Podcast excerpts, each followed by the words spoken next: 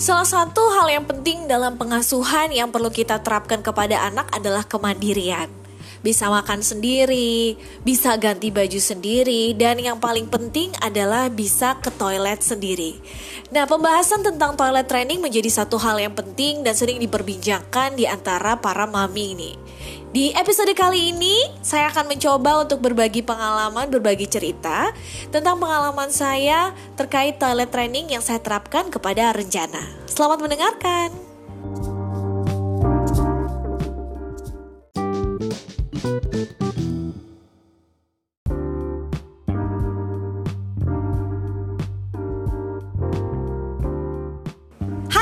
Parents, halo. Kembali lagi berjumpa di cerita orang tua. Hari ini saya akan bercerita tentang pengalaman kami dalam melakukan toilet training terhadap Renjana. Renjana sekarang berusia 3 tahun. Di usia yang ke 11 bulan, if I'm not mistaken ya, 11 bulan kalau nggak salah atau satu tahun, kita sudah mencoba untuk pergi ke mall tanpa menggunakan uh, popok sekali pakai. Jadi memang kami sudah menerapkan toilet training dengan cukup straight ya. Jadi awalnya ini tips yang saya lakukan kenapa di usia satu tahun dia bisa lolos toilet training dengan cukup cepat. Karena ketika dia masih bayi, memang saya tidak memberikan popok sekali pakai selama di rumah. Jadi hanya digunakan ketika harus berkunjung ke rumah sakit, harus pergi dan lain sebagainya. Jadi di rumah saya menggunakan popok kain. Pertimbangan waktu itu adalah karena saya ingin berhemat ya. Dan yang kedua memang saya diminta oleh dokter untuk mengetahui jumlah berapa banyak atau berapa kali rencana itu buang air kecil. Dengan menggunakan popok sekali pakai tentu kita tidak bisa menghitung jumlahnya sudah berapa kali ya. Jadi terpaksa kami harus menggunakan popok kain. Nah, waktu itu Uh, seminggu awal kelahiran Renjana, memang kemampuan saya dalam menyusui kurang baik. Sehingga pada kontrol ya kalau misalnya bayi baru lahir itu kan ada kontrol seminggu pertama, itu dokter menyatakan bahwa tampaknya anak ini kuning gitu, seperti kurang susunya lah ya, ibaratnya masalah kedokteran itu. Setelah dites alhamdulillah uh, nggak perlu disinar sehingga bisa dibawa pulang dan si dokter minta untuk memperbaiki cara menyusui, lalu saya juga diminta untuk menghitung jumlah air seninya. Jadi harus minimal 6 kali pipis dalam satu hari gitu ya. Nah dengan popok kain itu kita bisa menghitungnya. Jadi memang penggunaan popok sekali pakai sangat jarang saya gunakan. Malam, pagi, sore kalau selama di rumah itu semua menggunakan popok kain. Nah, memang buat beberapa orang menggunakan popok kain itu pasti melelahkan karena harus bangun menyusui setiap 3 jam sekali dan harus bangun untuk menggunakan popok. But don't worry, di situ gunanya ada ayah dan ibu. Nah, ibu mungkin bisa fokus uh, dengan menyusui karena menyusui itu tingkat stresnya lumayan tinggi ya capek gitu dan kita harus happy terus harus makan terus. Jadi waktu itu kami sepakat saya dan suami saya sepakat untuk saya bertanggung jawab terhadap nutrisi yang dia makan, dia minum. Sementara suami saya bertanggung jawab terhadap uh, kotorannya, baik itu popok sekali, uh, baik itu popok sekali pakai, baik itu popok kain yang dari pipis maupun pup, semua dia yang bertanggung jawab. Jadi ketika malam tiba, uh, suami di rumah ya setelah pulang kerja, dia yang bertanggung jawab untuk menggantikan popok. Sedangkan kalau anak saya minum atau ingin menyusui itu saya yang bertanggung jawab. Jadi waktu itu mungkin bapak ibu atau e, ibu juga pernah mendengar ya ada peran ayah asi di mana ketika istrinya sedang menyusui harapannya si ayah juga mendampingi. Nah e, beberapa waktu memang si suami juga mendampingi gitu. Cuma dia pikir dia juga nggak tahu harus ngapain karena saya tidak butuh bantuan apa-apa. Nah memang ada baiknya e, dikomunikasikan daripada sama-sama capek buat nemenin menyusu akan lebih baik yang satu menyusui tugasnya, yang satu ganti popok tugasnya sehingga dua-duanya memiliki waktu tidur yang cukup. Nah, uh, karena menggunakan popok kain ini memudahkan rencana untuk menyadari bahwa ini basah, ini tidak nyaman, ini harus diganti. Dan kita juga sering menerapkan tatur ya setelah dia sudah bisa duduk, kita sudah mulai bisa menatur ya istilah bahasa Jawa. Jadi di waktu-waktu tertentu ayo pipis gitu. Caranya kakinya dibasahin, ayo pipis ya ditungguin memang agak lama dan agak melelahkan. Saya paling males untuk menatur. Jadi biasanya menatur dilakukan adalah bapaknya jadi memang tugas toilet training ini untuk membuat pola dari awal sampai akhir itu memang melelahkan. Jadi memang cukup wajar buat kita memilih anak untuk menggunakan popok sekali pakai karena lebih praktis, terlebih buat mereka yang punya kesibukan atau anaknya lebih dari satu dengan usia yang berdekatan. Tapi kalau misalnya memang baru anak pertama dan mampu untuk berbagi tugas antara satu sama lain, saya sarankan menggunakan popok kain itu jauh lebih murah, tidak boros sampah dan lebih mudah untuk uh, mengatasi toilet training tersebut. Jadi lebih cepat lulusnya.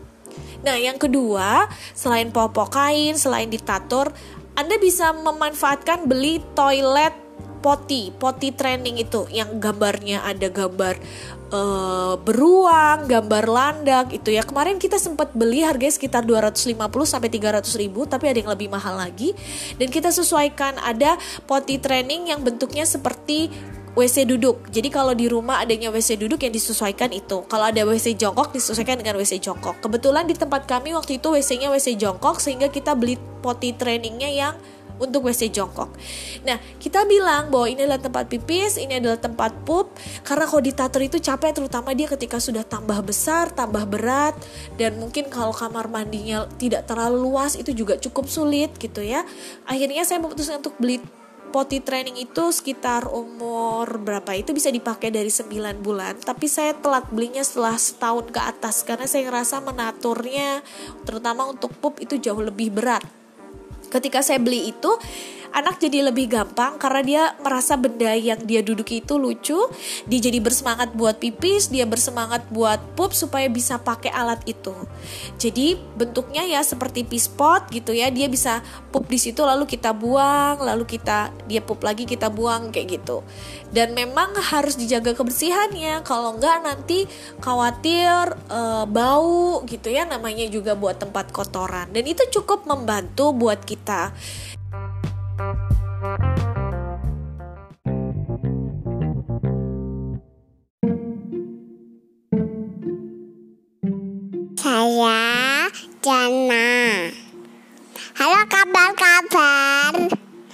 banyak kan kabar-kabar. Halo kabar-kabar. Jana di tiga tahun. Iya. Iya, dengerin dulu ya.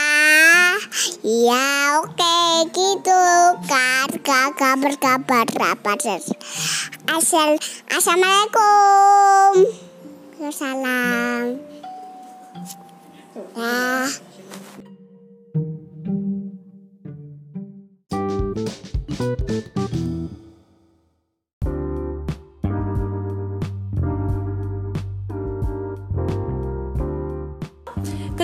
namanya anak-anak dalam masa toilet training itu pastikan makin besar pipisnya makin banyak.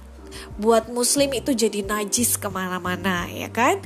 Nah saya menyarankan Anda bisa menggunakan celana namanya training pants. Training pants ini memang jauh lebih mahal dari celana biasa ataupun popok. Jadi satu celana itu harganya sekitar 45 ke atas gitu ya. Yang lebih mahal tentu jadi lebih banyak. Cuma waktu itu saya beli yang paling murah itu sekitar 40-an.